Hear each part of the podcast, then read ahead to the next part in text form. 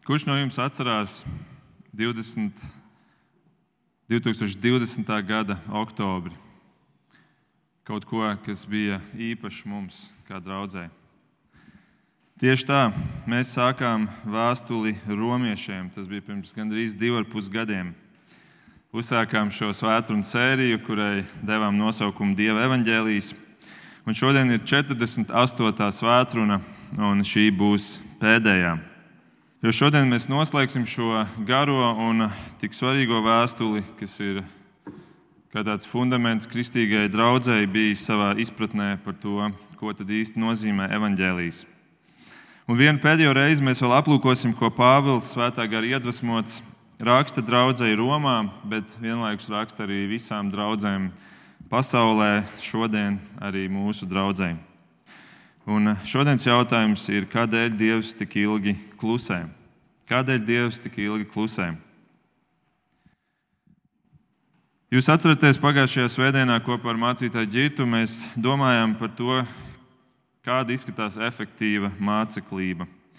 Un mēs apskatījām šīs pēdējās nodaļas, 16. nodaļas, pirmos 16 pantus, kurā bija uzskaitīti daudzi pozitīvie piemēri, kurus Pāvils vienā vai otrā veidā bija mācekļojis, un kas beigās bija kā tāds skaists, skaista buķete ar skaistiem ziediem, ar skaistiem augļiem, par kuriem Pāvils varēja liecināt.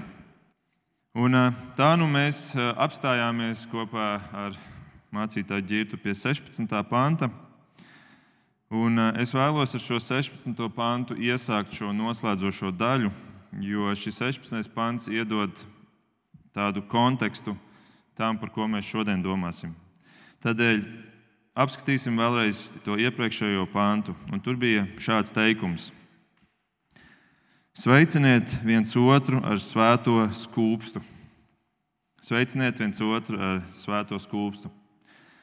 Un tā ir tāda interesanta doma, ar kuru noslēdzās iepriekšējā daļa, bet kas iedod mums tādu bruģīti tam, kur mēs šodien dosimies. Jo, kā jau mēs lasījām, Pāvils šo vēstuli ar savu roku neraksta. Viņš diktē savam darba biedram terciem. Un tā viņš šķiet, ka Pāvils diktējot šo, šo vēstuli, šos, šos labos piemērus, un tad nonākot līdz tam svētajam skūpstam, tā viņš šķiet, ka viņš atcerās pēkšņi, ka skūpstam ir vēl tā, tā otra puse, tā negatīvā pieskaņa ka pastāv arī tāds nesvētais skūpsts. Mēs viņu arī varam saukt par jūdas izkarjota skūpstu.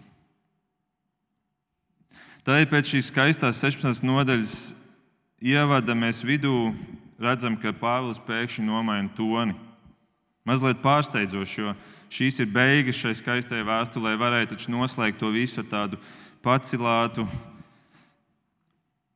tādā pacelētā tonī, ar tādu pozitīvu piemēru sarakstu. Bet viņš pēkšņi nomaina tonu, viņš sāk runāt par kādu negatīvu personu grupu. Un šodienas tekstā, lai atkal palīdzētu to vieglāk mums tā sadalīt, būs iekļauts trīs personu veidi. Trīs personu veidi. Pirmie būs tie, kurus mēs varam saukt par samaisītajiem, otrie būs saminēji, un trešais būs scenogrāfs. Tādi varbūt jocīgi nosaukumi, bet jūs redzēsiet, viņi nāk no teksta. Tad apskatīsimies to pirmo, to negatīvo personu piemēru, kurus Pāvils pēkšņi šajā visā priecīgajā, pozitīvajā ainā iekļauj. Un uh, izlasīsim 17. un 18. pāntu vēlreiz. Es jūs lūdzu, brāļi, uzmaniet tos, kas rada šķelšanos un piedauzību pret to mācību, ko jūs esat mācījušies, un izvairieties no tādiem jo tādi nekalpo mūsu kungam Jēzum Kristum, bet gan savam vēderam, un ar pieglaimīgu runu un ar skaistiem vārdiem pieviļ vientiesīgo sirdis.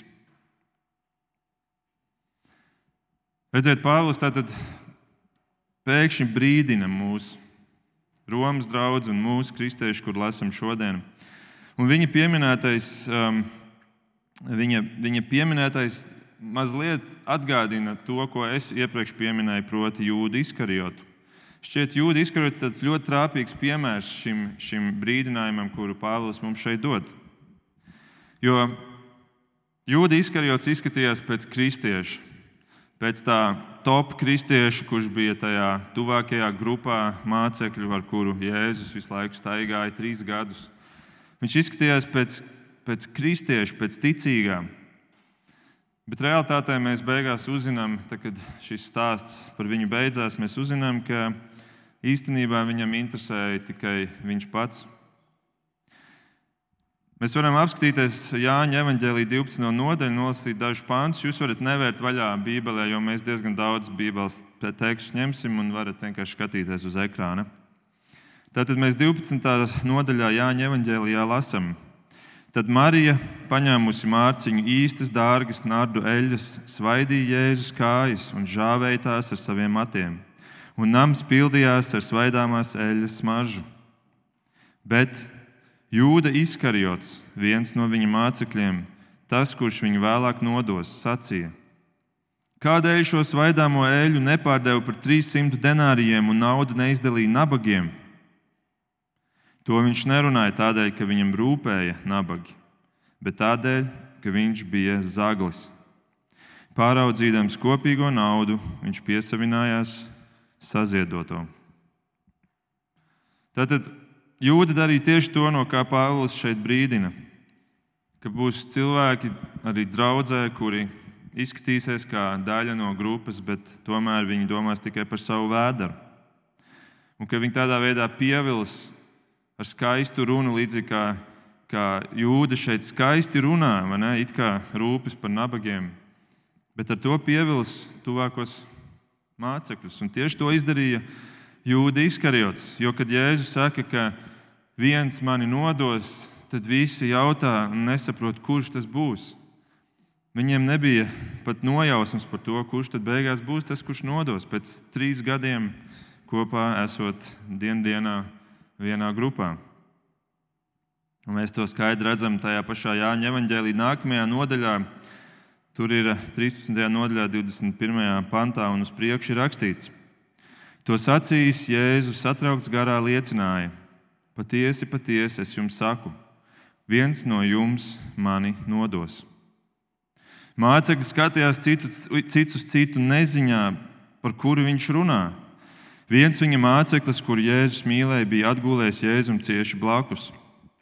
Tad Sīmans Pēters tam pamāja un sacīja: Pavaicā, kurš tas ir, par kuru viņš runā? Tas noliecies pie Jēzus krūts, viņam jautāja: Kungs, kurš tas ir? Jēzus atbildēja: Tas, kuram es iemērcis kumosu, to došu. Un kumosu iemērcis viņš deva to jūdam, sīmaņa dēlam, izkarjotam.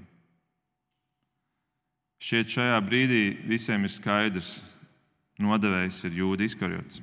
Bet skatieties tālāk. Un pēc šī kumosa tajā, tātad jūdā izkarjotā, iegāja sātans. Jēzus jūdam sacīja: Ko dari? to dara drīz. Bet neviens no tiem, kas tur bija, nesaprata, kādēļ viņš to sacīja. Daži domāja, ka Jēzus tam sacīja, ej, pērc, kas mums vajadzīgs svētkiem, jo pie jūdas bija maks, vai arī, lai dotu kaut ko nabagiem. Redziet, cik interesanti mācekļi tik ilgu laiku bija kopā. Jēzus pat viņiem diezgan skaidri pasaka, kurš būs nodevējs, un visā tajā viņi pat joprojām ir neizpratnē. Tik viegli ir apmānīt cilvēkus. Un tad mēs redzam, ka viss kulminē beigās tajā nodevības kūpstā, ģecemanas dārzā.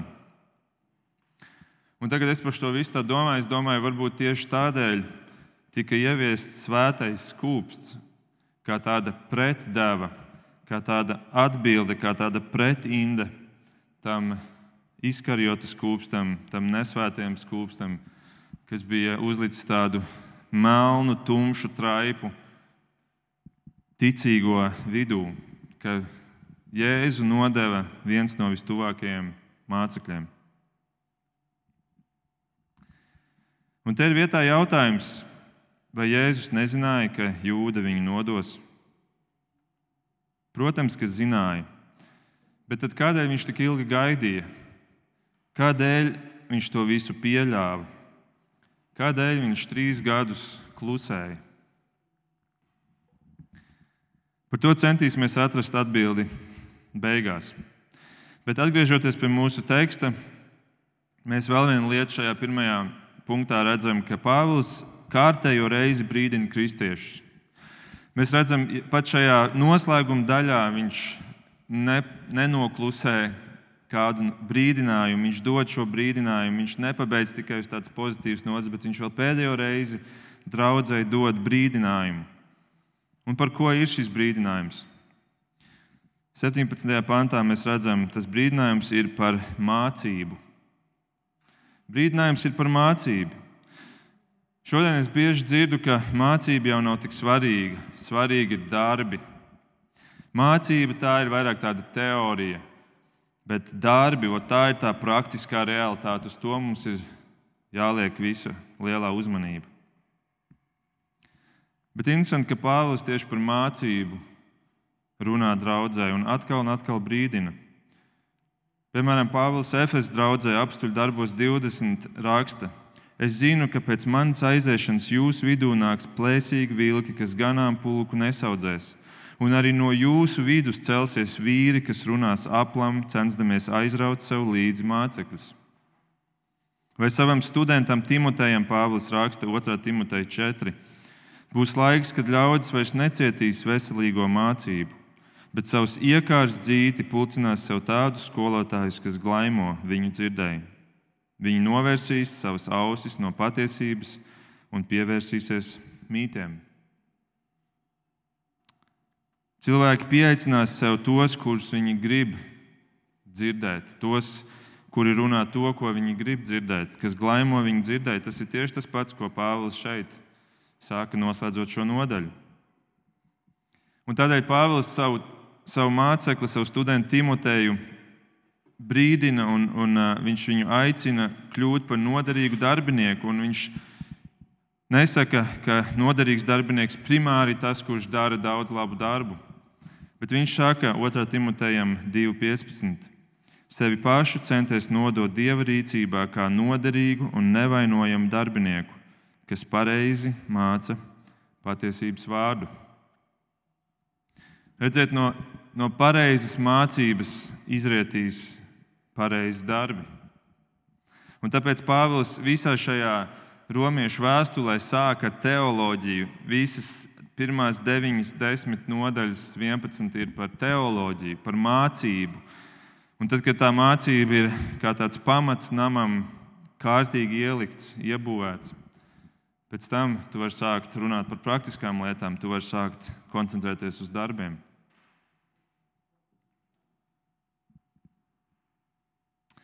Bet Pāvēlam šis ir tāds iestarpinājums. Viņš 19. pantā raksta, ka tomēr par Romas draugu viņam ir kopumā tāds priecīgs, gaišs skatījums ka tā turās pie pareizās mācības un ka tā dzīvo paklausībā. Un to mēs redzam 19. pantā, kurā viņš raksta: Bet jūsu paklausība ir kļuvusi zinām visiem, par jums es priecājos. Es gribu, lai jūs būtu gudri uz labo un bez viltus pret ļauno.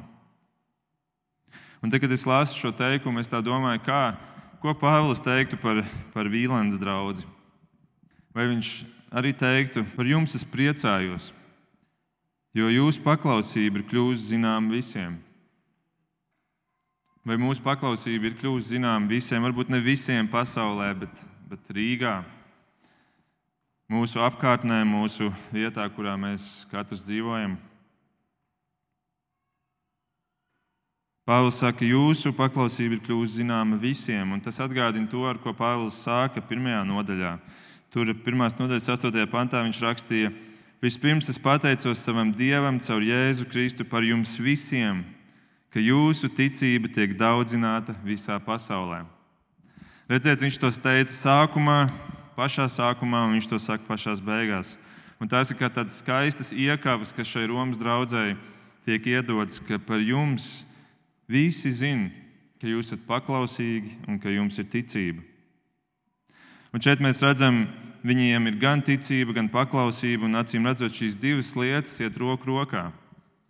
Tie, kuri saka, es esmu ticīgs, es ticu Jēzum Kristum, tur ir jābūt redzamai paklausībai. Jēzus to pats teica Jāņa evanģēlijā 8. nodaļā, kad viņš sacīja jūdiem, kas ticēja viņam: Ja jūs paliekat manos vārdos, jūs patiesi esat mani mācekļi. Tad mēs redzam, ka paklausība Kristum, paklausība Dieva vārdam ir tā īstā pazīme, pēc kuras varēs pateikt, ka mēs esam ticīgi, ka mēs tiešām ticam Jēzum Kristum. Un tad Pāvils raksta, esiet gudri pret labo. Un, man liekas, tur viss ir skaidrs, bet tad viņš vēl piemin un bez viltus pret ļauno. Un tad liekas, tā, ko Pāvils ar to domā, kā, kā tas ir bez viltus pret ļauno. Un tagad paskatās, ko nozīmē grieķu valodā vārds bez viltus, kas ir akerājos. Tad tā nozīme ir būt nesamaisītam, būt nesajauktam, nebūt iemaisītam kaut kam tevī ka tevī nav iemaisīti grēcīgie motīvi, ka tie nav pieaugti, ka tu esi tīrs. Un mēs redzam, Jūda izkarjots mūsu šodienas šī punkta piemērs, bija ļāvis sevī iemaisīt kārdinājumu. Viņš bija piemaisījis grēku, piemaisījis iekārs. Un tāpēc mēs varam teikt, ka Jūda izkarjots bija samaisītais. Viņā bija sajaukts kopā šī it kā vēlēšanās sekot Jēzum, būt starp tiem, kuri ir pie Jēzus. Un vienlaikus tomēr domāt vairāk par sevi, par savu vēderu, par savu maku, par savu labklājību. Samaisītais. Un tas maisījums, protams, viņam bija dots no sātana, Un mēs beigās šeit lasām, tad mēs Jāņa 12, 13 lasījām, ka pat beigās Sātans ieiet viņā. Un Sātans, kā melu tēvs, viņš ir tas, kurš iedod šo maisījumu. Viņš nāk un arī mums katram piedāvā šo paciņu ar šo pieaugumu, un viņš spēja viņu tik smalki sagatavot, ka, ka tā kļūst grūti pamanāma. Ir tīpaši, ka tu esi tādā kristīgā kontekstā, tad jau viss no malas izskatās labi. Bet šis melu tēvs iedod mums šo mazo, smalko pulverīti, lai mēs viņu iejaucam iekšā, lai iedotu mums mazliet lielāku, spēcīgāku garšu, lai mēs apmierinām savas iekārtas.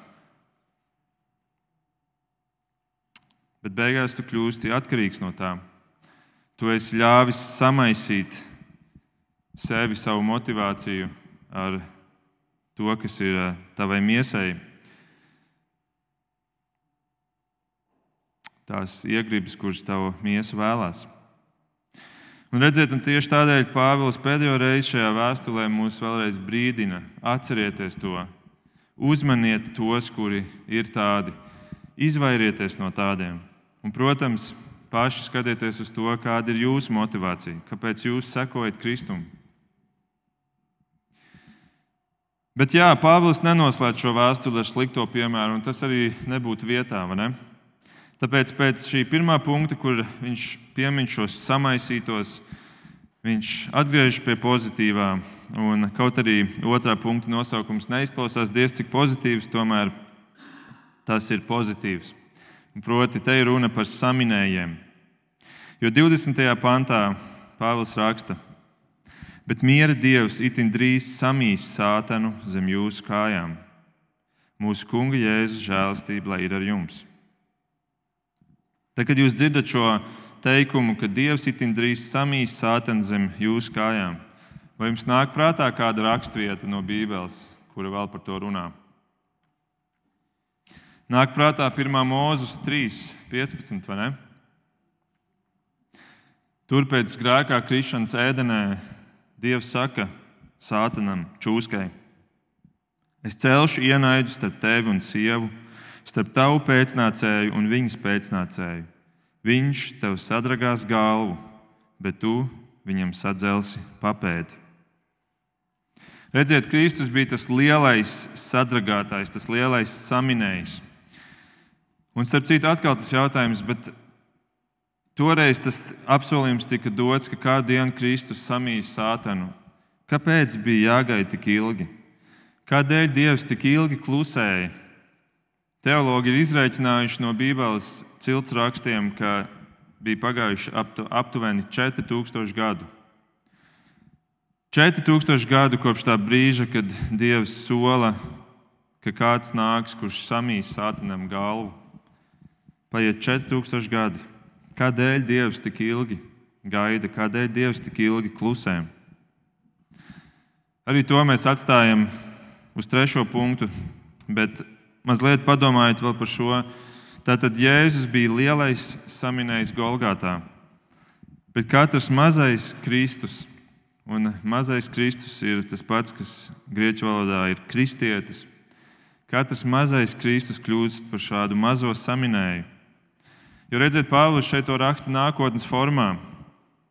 Te nav runa par Jēzu, jo viņš jau to bija izdarījis pagātnē. Bet Pāvils to saka nākotnes formā. Un tas attiecās gan uz Romas draugu, gan arī uz mums katru. Un daži no saminējiem, daži no šiem mazajiem kristiem ir pieminēta Pāvila pantos 21 līdz 23, kur viņš vēlreiz izceļ kādus, kuri ir bijuši uzticami, kuri ar savu darbu, ar savu kalpošanu ir rūpējušies par to, ka sātana vara tiek samīta. Viņš raksta, jūs sveicinat Timotejs, mans darba biedrs, kā arī Lūkijas, Jāsons, Sosipatrs, mani radinieki. Es tercīs, kas pierakstīju šo vēstuli, sveicinu jūs, kungā. Jūs sveicina gājs, kas uzņēmis pie sevis mani un visu draugu. Jūs sveicina Erasts, pilsētas pārvaldnieks un brālis Kvarts. Un atkal tik skaisti piemēri, darba biedri, kuri ir strādājuši, lai šis evaņģēlijs izplastos vietās, kurā valdīja sātans. Un šie vīri un arī šīs sievas, kas 16. nodaļā minētas, viņas rūpējās par to, ka sātana vara tiek samīta zem viņu kājām. Un te mēs redzam, tā realitāte ir, ka cilvēki iedalās divās grupās. Mēs redzējām šeit to negatīvo piemēru, kas sadarbojas ar sātanu. Un tad mēs redzam tos pozitīvos piemērus, kurus sātanam samina galvu. Un tā patiesībā ir vienīgā iespēja, vienīgā izvēle katram cilvēkam būt vienā vai otrā pusē. Vai būt tam, kurš sadarbosies ar sātanu, vai būt tam, kurš sātanam samin galvu. Tas attiecas arī uz tevi. Tu vari būt tikai vienā vai otrā pusē. Vidusceļa nav. Nav tādas neitrālās teritorijas, kur es neesmu ne sātanists, ne kristietis. Tādas teritorijas nav. Tu esi vai nu vienā pusē, vai otrā pusē. Un tiem, kuri paliek Dieva pusē, Pāvils velta šīs fundamentālās vēstules pēdējo rinkopu, un vienlaikus viņš to velta arī Dievam. Kādiem no jums Bībelē ir mazais virsraksts šiem pēdējiem trim pantiem minēts? Virsraksts, kas ir doksoloģija, kas nozīmē slavas sauciens Dievam. Doksa ir slava, gods, un loģija ir mācība vai izteiciens. Tātad šis ir izteiciens Dievam, es dodu Dievam slavu. Un ir eh, vairāks, vairāks arī vēstules, kuras noslēdzas ar šādu doksoloģiju. Un starp citu, dažiem no jums, kuriem ir jaunais tulkojums, jūs varbūt brīnaties, hmm, kur palicis 24. pants. 24. panta jaunajā tulkojumā nav, jo tas vienkārši nav neparādās vecākajos manuskriptos, tad viņš ir vienkārši ielikts kā iestarpinājums. Tāpēc mēs lecam no 23. uz 25. uzreiz. Bet tātad pēc samaisītajiem un saminējiem mums trešā persona ir scenogrāfs. Un te mēs pagriežam mūsu skatu pret mūsu lielo dievu un izlasīsim šos pēdējos trīs pāntus vēlreiz kopā. Bet tam, kas jūs var stiprināt ar manu evaņģēlīju un Jēzus Kristus pasludināšanu pēc tā noslēpuma atklāsmes, par kuru bija klusēts no mūžīgiem laikiem, bet kas tagad ir tapis redzams caur pravietiskiem rakstiem un ar mūžīgā dieva pavēli, ir darīts zināms, lai ticībai pakļautos visas tautas. Dievam, kas vienīgais ir gudrs, lai caur Jēzu Kristu ir mūžīgs gods. Āmen! Un te mēs redzam to teikumu, ka viss tas, kas šeit bija aprakstīts šajā vēstulē, par to bija klusēts no mūžīgiem laikiem. Klusēts no mūžīgiem laikiem. Kādēļ Dievs tik ilgi klusē? Kādēļ? Kādēļ? Tādēļ, ka Viņš ir scenogrāfs, kurš redz to kopīgo bildi. Mēs esam kā tādi skatītāji, kur atnākuši uz uz filmu vai izrādi, un mēs redzam to stāstu, kā viņš ritinās, kā tā, tas stāsts veidojas. Mēs redzam to līdzinējo ainu, bet mēs neredzam to, kā viss beigsies. Un vairāk kārt mēs šajā filmā vai šajā izrādē nodomājam, nu gan stāstam ir strupceļš. Vai ne? Tās ir tās foršākās filmas, kurās ir visādi pārsteigumi, kurās ir negaidīti pagrieziena punkti. Bet tikai tas scenogrāfs, tikai tas režisors zina, kā šis stāsts beigsies. Viņš tos līkločus pat pats ir arī pieļāvis un iestrādājis. Un es ticu, ka šī vēstule romiešiem skaidri parāda to, ka Dievs ir šis lielais scenogrāfs, kurš zina, kādēļ vajadzēja 4000 gadus ilgi gaidīt līdz Kristumam kurš zina, kādēļ vajadzēja jūdu izkarjot trīs gadus vest sev līdzi, apzinoties, ka viņš kādu dienu nodos Kristu. Es domāju, ka ir vairāki iemesli, kāpēc Dievs ilgi klusē. Es vēlos pieminēt šodien tikai divus. Un es ticu, ka saprotot arī šos iemeslus, tas var mums palīdzēt to pārņemt arī praktiski savai ikdienas dzīvei. Un uh, arī jā, dzīvot ar tādu mieru, ka, ja arī Dievs klusē, tas nenozīmē, ka stāsts ir beidzies vai viņa kontrole pār šo stāstu ir beigusies. Tātad divi iemesli, kāpēc es ticu, ka Bībele mums atklāja, kādēļ Dievs reizēm tik ilgi klusē. Pirmkārt, tādēļ, ka Dievs visu dara savam godam. Dievs visu dara savam godam. Pāvils to arī šodienas pēdējā teikumā pasaka. Dievam, lai caur Jēzu Kristu ir mūžīgs gods. Pēdējais teikums, pēdējais zīmoks šai vēstulē ir, ka Dievam lai ir gods. Nevis cilvēkam gods, nevis mums tas gods, bet Dievam ir gods. Citur viņš raksta, lai mēs visu darām Dieva godam lai mēs pat ēdam vai dzeram un to darām Dieva godam, Dievam par godu. Līdz ar to viss, caur visu to, kas notiek pasaules vēsturē, arī 4000 gadus ilgi gaidot uz Kristu vai 3 gadus Kristum vedot sev līdzi nodevēju, vai tavā dzīvē liekot gaidīt uz kaut kādām lietām, kuras tu varbūt jau biji cerējis saņemt ātrāk. Galu galā Dievam tiek gods par to.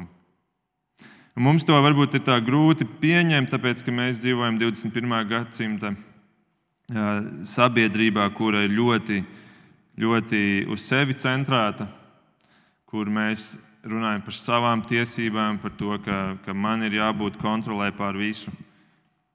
Bet tāpēc jau ir šī vēstule romiešiem, lai parādītu, ka bilde ir citādāka. Viss gods ir Dievam, Un šī pasaule tika radīta nevis primāri mūsu dēļ, bet tādēļ, lai Dievam caur to pienāktos gods. Viņš ir scenogrāfs un scenāriju veido tādu, kas nes viņa vārdam godu. Un mēs neredzam to lielo bildi, bet mēs vērtējam visu no šī savas šaurā, subjektīvā leņķa. Bet kādu dienu mēs sapratīsim, tad, kad tā filma būs beigusies. Līdzīgi kā mēs saprotam, parasti saprotam filmas, kuras mēs esam noskatījušies, un tad mums ir tāds, jā, labs stāsts. Un Dievs ir eh, nevis kaut kāds scenogrāfs, bet viņš ir mīlestības iemiesojums. Viņš ir labs Dievs. Un tāpēc viņa scenārijs ir veidots tāds, ka, ka tu vari būt drošs, ka tas ir labs un tas ir mīlestības pilns. Mēs kādu dienu redzēsim, kāpēc mums bija tik ilgi jāgaida. Varbūt uz, uz slimības um, izārstēšanu, uz kādu attiecības krīzes atrisinājumu, uz finansiālās ielējas beigām, uz kādu tuvinieka glābšanu, par kuru mēs varbūt arī lūdzam ilgi, vai jebkura cita tūkstneša šķērsošana. Mums ir jāapzinās, ka Dievs zina mūsu stāstu, ne tikai zina, bet tas ir viņa kontrolē. Un visiem tiem, kuri ir Dieva bērni, viņš ir ieplānojis labas beigas šim stāstam. Filma ar labām beigām. Un to mēs redzam Romiešu vēstulē, mūsu vēstulē, 8. nodaļā, 28. pantā, kur, mēs, kur Pāvils rakstīja, mēs zinām, ka tiem, kas Dievu mīl un kas pēc viņa iepriekšējā nodoma ir aicināti, viss nāk par labu. Pat ja tev ir ielējas, kurās izskatās, ka nav labi, tomēr beigās, beigās viss nāks par labu. Būs labas beigas. Redziet, šajā pantā ir ne tikai teikts, ka viss nāk par labu, kas jau ir, kas ir wow, kas ir iemesls, kāpēc vien mums vajadzētu rūpēties par to, lai mēs esam tiešām Dieva bērni. Bet šeit ir teikts, pēc viņa iepriekšējā nodoma. Tātad pēc viņa scenārija, kas pēc viņa iepriekšējā nodoma ir aicināti, viss nāk par labu. Tici tam, ka gaidīšana tavā dzīvē nozīmē ka tu esi daļa no Dieva lielā plāna, no Dieva scenārija. Un ka tas, kas notiek, nāk tev par labu, jo Viņš tev mīl, Viņš ir mīlestība. Bet vienlaikus tas viņam nes godu. Tātad viena atbilde ir, ka Dievs saņem godu caur gaidīšanu. Otra atbilde ir, ka Dievs dzīvo ārpus laika. Pēters savā otrajā vēstulē, trešajā nodaļā raksta, ka Lai jums, brāļi, nepaliek apslēpts tas, ka kungam viena diena ir kā tūkstoši gadu, un tūkstoši gadu kā viena diena. Mēs esam atšķirīgi mūsu izpratnē par to, kā lietas notiek no dieva skatu punkta, jo iepratī dieva skatu punktam, jo mēs esam laikā. Viņš ir ārpus laika. Ja mēs esam uz kā, izlikt uz kā tādas līnijas, visi notikumi no dzimšanas līdz dzīves beigām, tad Dievam šī līnija ir pagriezta pretī, un viņa ir kā viens punkts, uz kura visi notikumi sēž vienā vietā. Visi ir uzreiz redzami. Un tādējādi viena diena ir kā tūkstoši gadi, un tūkstoši gadi kā viena diena. Viss ir vienādi. Dievs skatās no cita leņķa uz to, kas notiek mūsu dzīvēm.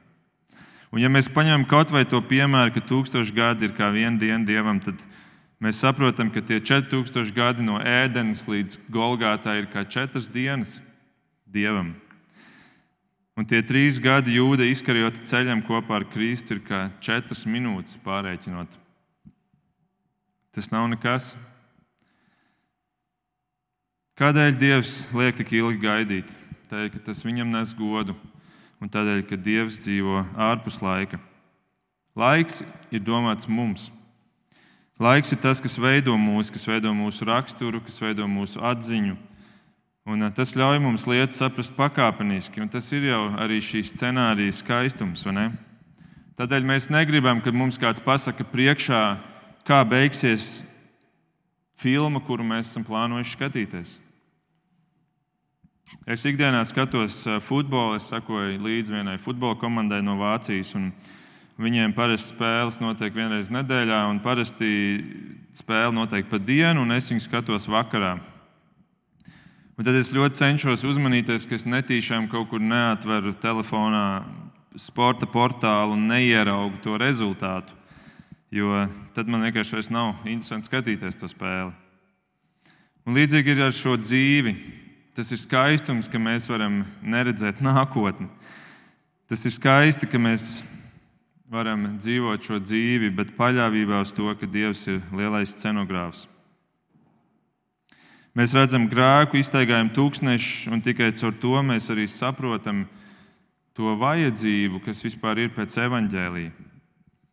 Dieva evaņģēlīja, kur Dievs savā mīlestībā mums ir atnesis caur Jēzu Kristu. Un Dievs nevilcinājās visu šo laiku gaidot, lieki nevilcinājās, bet Viņš dod visu īstajā laikā, kur tikai Viņš savā gudrībā spēja redzēt. Un tāpēc arī Pāvils šajā pēdējā, pašā pēdējā pantā noslēdz šo vēstuli ar domu, ka Dievam, kas vienīgais ir gudrs, ir mūžīgs gods. Dievs vienīgais patiesībā ir gudrs. Mums liekas, ka mēs esam gudri un mēs paliekam arvien gudrāki. Mēs jau lietas saprotam ļoti labi, bet Pāvila secinājums pēc visas šīs gudrās vēstules, kurā viņš ir tik daudz no dieva gudrības atklājis draudzēji, viņš tomēr saka, Dievs ir vienīgais gudrs. Un tas ir labi. Un tas ir arī Dieva evaņģēlīja, šīs visas sērijas, Dieva evaņģēlījas mērķis. Parādīt, ka nevis mēs esam tie gudrie, kuri kuriem ir uzdevums veidot savu izpratni, savu versiju evaņģēliem. Bet uzticēties, ka Dieva evaņģēlijs ir tas, kas ir īstais evaņģēlijs. Jo Dievs ir gudrs un Viņš zina, kādēļ Viņš kādas lietas ir ielicis, iekļāvis arī šajā vēstulē, kuras varbūt mums sākotnēji šķiet grūti saprotams. Bet tas aicinājums ir uzticēties. Uzticēties, ka tas ir Dieva prāts. Un eh, es gribu klausīt viņa gudrībai, nevis turēties pie savējās. Nu, ko noslēdzot šo garo un apbrīnojamo vēstuli, es vēlos uzdot jautājumu, pēdējo jautājumu tev. Kāds ir tavs evaņģēlijs? Kāds ir tavs evaņģēlijs? Pāvils šajā 25. pantā interesanti saka, ka Viņš saka, mans evaņģēlijs. Viņš saka, šis ir mans evaņģēlijs, kas var jūs stiprināt. Un Pāvila evaņģēlijs bija ar vienādojumu zīmi pret Dieva evaņģēliju. Pāvils Dieva evaņģēliju ir pārņēmis kā manu evaņģēliju, kā savu evaņģēliju. Bet jautājums ir, kāds ir tavs evaņģēlijs? Kā ir ar tevi? Ja es tev lūgtu uzrakstīt piecās minūtēs savu evaņģēlīju, savu izpratni par to, kas ir evaņģēlijs, ko tu rakstītu. Patiesībā es tev to izaicinu darīt ne tagad, bet aizej mājās, varbūt vakarā, kad ir mierīgāks brīdis, apsēties un uzraksti saviem vārdiem, īsāk vai garāk, bet uzrakstīji savu evaņģēlīju savu evaņģēlīju. Bet pirms tu to dari, es vēlos tev nolasīt dažus pēdējos pantus, kā tādu mazu atskatu no tās vēstules, kuriem mēs gājām cauri. Daži panti, kuri varbūt bija tādi pārsteidzošākie, izaicinošākie. Un es vēlos, ka tu padomā, lasot šos pantus, vai tu esi gatavs šos pantus, kur ir tā izteikti, kā Pāvils to izteica, iekļaut savā evaņģēlijā. Tas ir tas lielais izaicinājums šajā vēstulē romiešiem. Un, uh, izlēsies nolasīšu tagad šos pantus un vienkārši sev uzdot šo jautājumu. Vai es tam piekrītu, vai tas ir mans evaņģēlijs? Romiešiem 1,16. Es nekaunos evaņģēlīja, tas ir Dieva spēks pestīšanai ikvienam, kas tic. Vai tu tici, ka evaņģēlijs ir Dieva spēks nevis cilvēka spēks. Romiešiem 5, 17. Viena cilvēka pārkāpuma dēļ nāve caur šo vienu sāka valdīt.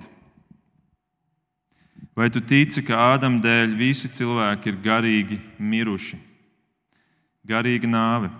Nevis vāji, vai slimi, vai akli, garīgi akli, bet miruši. Un, ja miruši, tad, lai viņi varētu dievam atsaukties, viņi vispirms ir jāatdzīvina.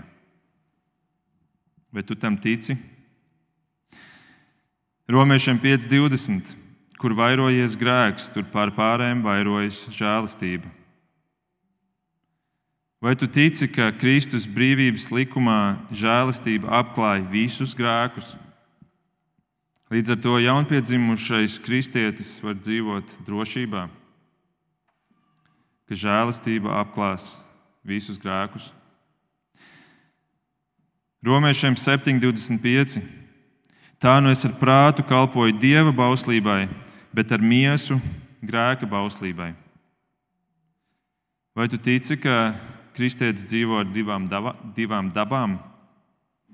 Ka gars ir tas jaunpiedzimušais, kurš grib kalpot dievam, dieva bauslībai, šai arī brīvības, šim brīvības likumam, kas nāk caur Kristu. Bet miesa ir joprojām kritušajā stāvoklī, kura kalpo grēka bauslībai. Romiešiem 8.1. Tiem, kas Kristu Jēzu vairs nav pazudināšanas. Šī evaņģēlija skaistākais, augstākais punkts. Vai tu tici, ka jaunpiedzimušais kristietis vairs nepazudīs? Tā skaitā, ka viņš nepazaudēs savu glābšanu, jo viņā, kas ir Kristu, vairs nav pazudināšanas. Romiešiem 8.30 par kuriem viņš jau iepriekš ir noteicis, tos viņš arī aicina, un kurus viņš aicina, tos arī attaisno, un kurus attaisno, tos arī pagodina. Vai tu tici, ka Dievs jau iepriekš ir noteicis, kurus attaisnos un pagodinās? Vai tu tomēr tici pretējam, ka Dievs nav iepriekš noteicis? Romiešiem 9, 18. Tā nu Dievs, kuru grib to apžēlo, un kuru grib, to nocietina. Vai tu tici, ka šie vārdi ir patiesi? Vai tu šos vārdus esi ņēmis vērā, veidojot savu priekšstatu par Dievu? Un pēdējais romiešiem 10, 13.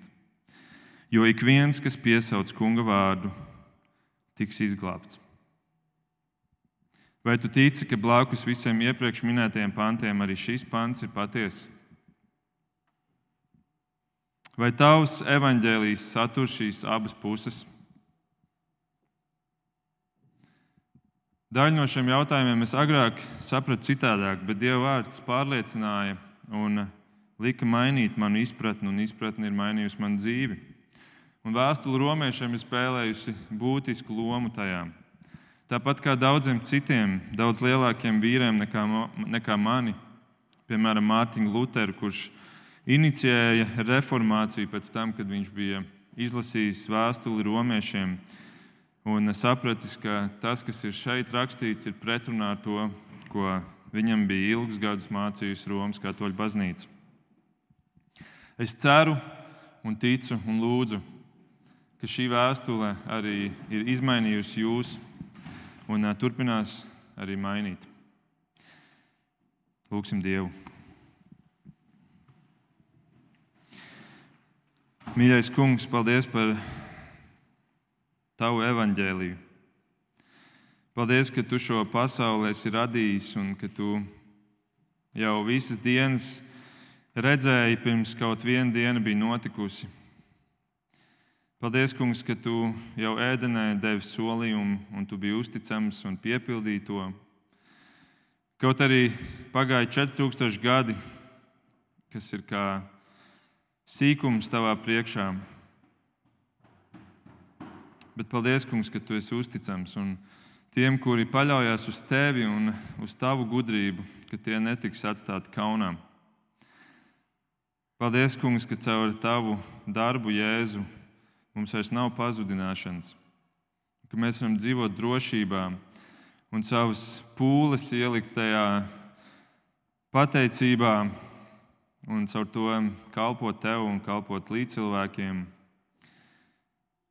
Paldies, Kungs, ka tu esi mūs atbrīvojis no bauslības jūga, no tā lāsta, kas, kas cilvēkus notiesā mūžīgā pazušanā. Arī šobrīd, arī šodien daudzi tūkstoši aiziet bojā mūžīgā pazušanā. šī grēka dēļ, šīs grēka bauslības dēļ. Bet tu, Jēzus, esi nācis, lai nodzīvotu pilnīgu dzīvi, un lai kā pilnīgais nomirtu un savu pilnību varētu iedot mums, ka mēs ar šo pilnību varam iet Dievu priekšā, un ka tādēļ mums vairs nav pazudināšanas, tādēļ, ka mēs esam tevī ietērpti, tavā taisnībā. Un ka tev beig beigās ir gods par to nevis mums, nevis mūsu gudrībai, mūsu attapībai, mūsu šķietamai pazemībai, kuras dēļ mēs nākam pie tevis, bet ka tas ir tavs darbs un tev pienāks viss gods par to. Es lūdzu, ka šī vēstule izmainītu vēl daudzas dzīves, gan mūsu draudzē, gan mūsu tuvinieku vidū. Lūdzu, liec tam šim vārdam, šim dzīvēm vārdam darboties mūsu dzīvēm. To lūdzam Tev Jēzus Kristus vārdā. Āmen!